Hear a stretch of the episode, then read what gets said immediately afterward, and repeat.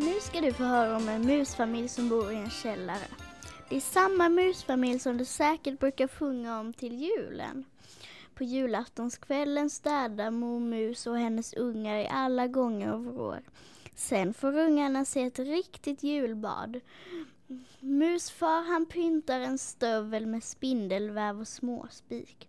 Och sen äter de nötter som de gnidit in med kolapapper så att det skulle bli riktigt sött och gott. Från skafferiet tar de en fläskbit eller två och den får allesammans lov att lukta på och inte äta på. Sen tar de och dansar runt stövlen som är så fint pyntad. Och gamla mormor Mus har också kommit ner och hennes gungstol gungar i takt när hon som dansen ser det är ju ingen riktig gungstol för som ni alla vet så sitter hon och gungar på en stor potatis. De dansar ända tills de blir så trötta att de inte orkar mer och pappa Mus säger att nu tar vi och sover en stund. Nu trodde nu trodde alla att det skulle bli som alla jular förut, att när man skulle vila och pappa mus hålla vakt. Men alla musungarna sa Nej, vi vill inte! Jo, men pappa mus sa så står de ju i sångerna. Nu ska barnen gå till sängs medan pappa håller vakt. Och alla ska snarka i takt. Nej, skriker musungarna och gömmer sig bakom mormors potatisgungstol. Vi vill inte! Vad är det här för dumheter, säger musmor. Nu har vi firat färdigt, se nu till att komma i säng. Vi vill inte, sa ungarna och kröp upp i mormors knä. Hon tog dem i sin famn och frågade Vad är nu detta? Varför vill du inte sova? För vi vill upp i stugan och dansa omkring en riktig julgran, sa den äldsta musungen. Jag kikade upp genom mursprickan vid spisen och, och såg det allra vackraste julgran med massor av vackra ljus i. Vi vill också se den vackra granen, sa de andra musungarna. Jag vet att granen är vacker sa som musmor, men det är alldeles för farligt att gå upp i huset. Men vi vill så gärna och det är ju i alla fall julafton, pep musungarna. Mormor Mus och Farmus visste inte vad de skulle säga. Det var ju i alla fall julafton och då klarade de inte av att säga nej till sina små musungar. Ja, vi får väl ta med dem upp, sa musmor. Jag kom jag kom och gå efter mig sa muspappa, men var försiktiga.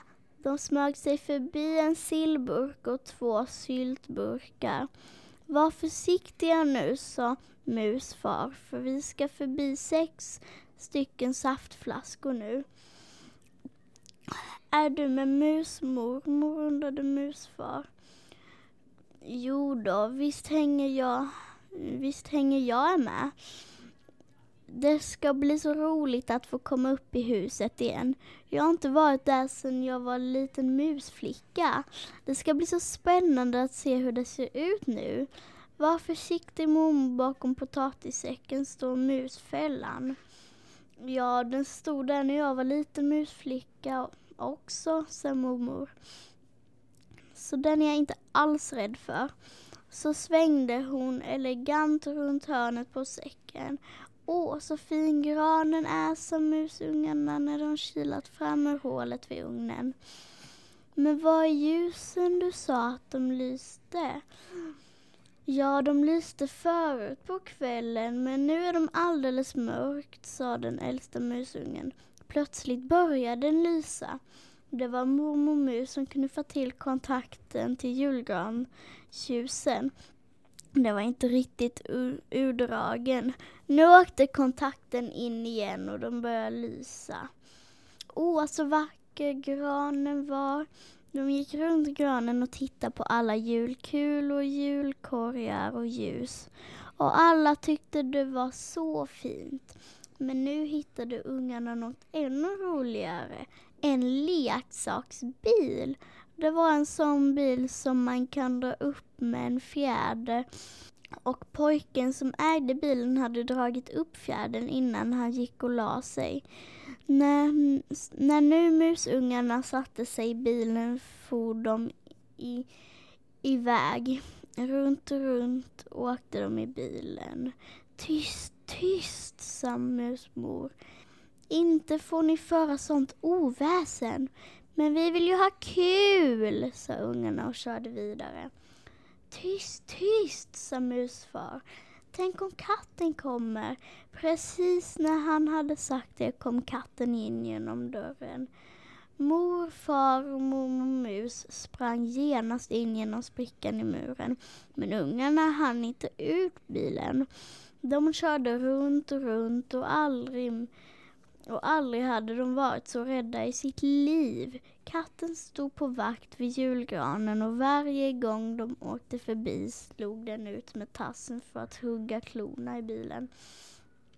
Men den var inte snabb nog. När bilen började sakta ner sa den äldsta musungen Vi måste nog springa och gömma oss i granen. Så fort bilen stannade så gjorde de det. En unge gömde sig bakom ett ljus i en korg, en annan hängde på en kula. Och det här avsnittet är läst av Louise Olsson på Mombifoskolan 3B.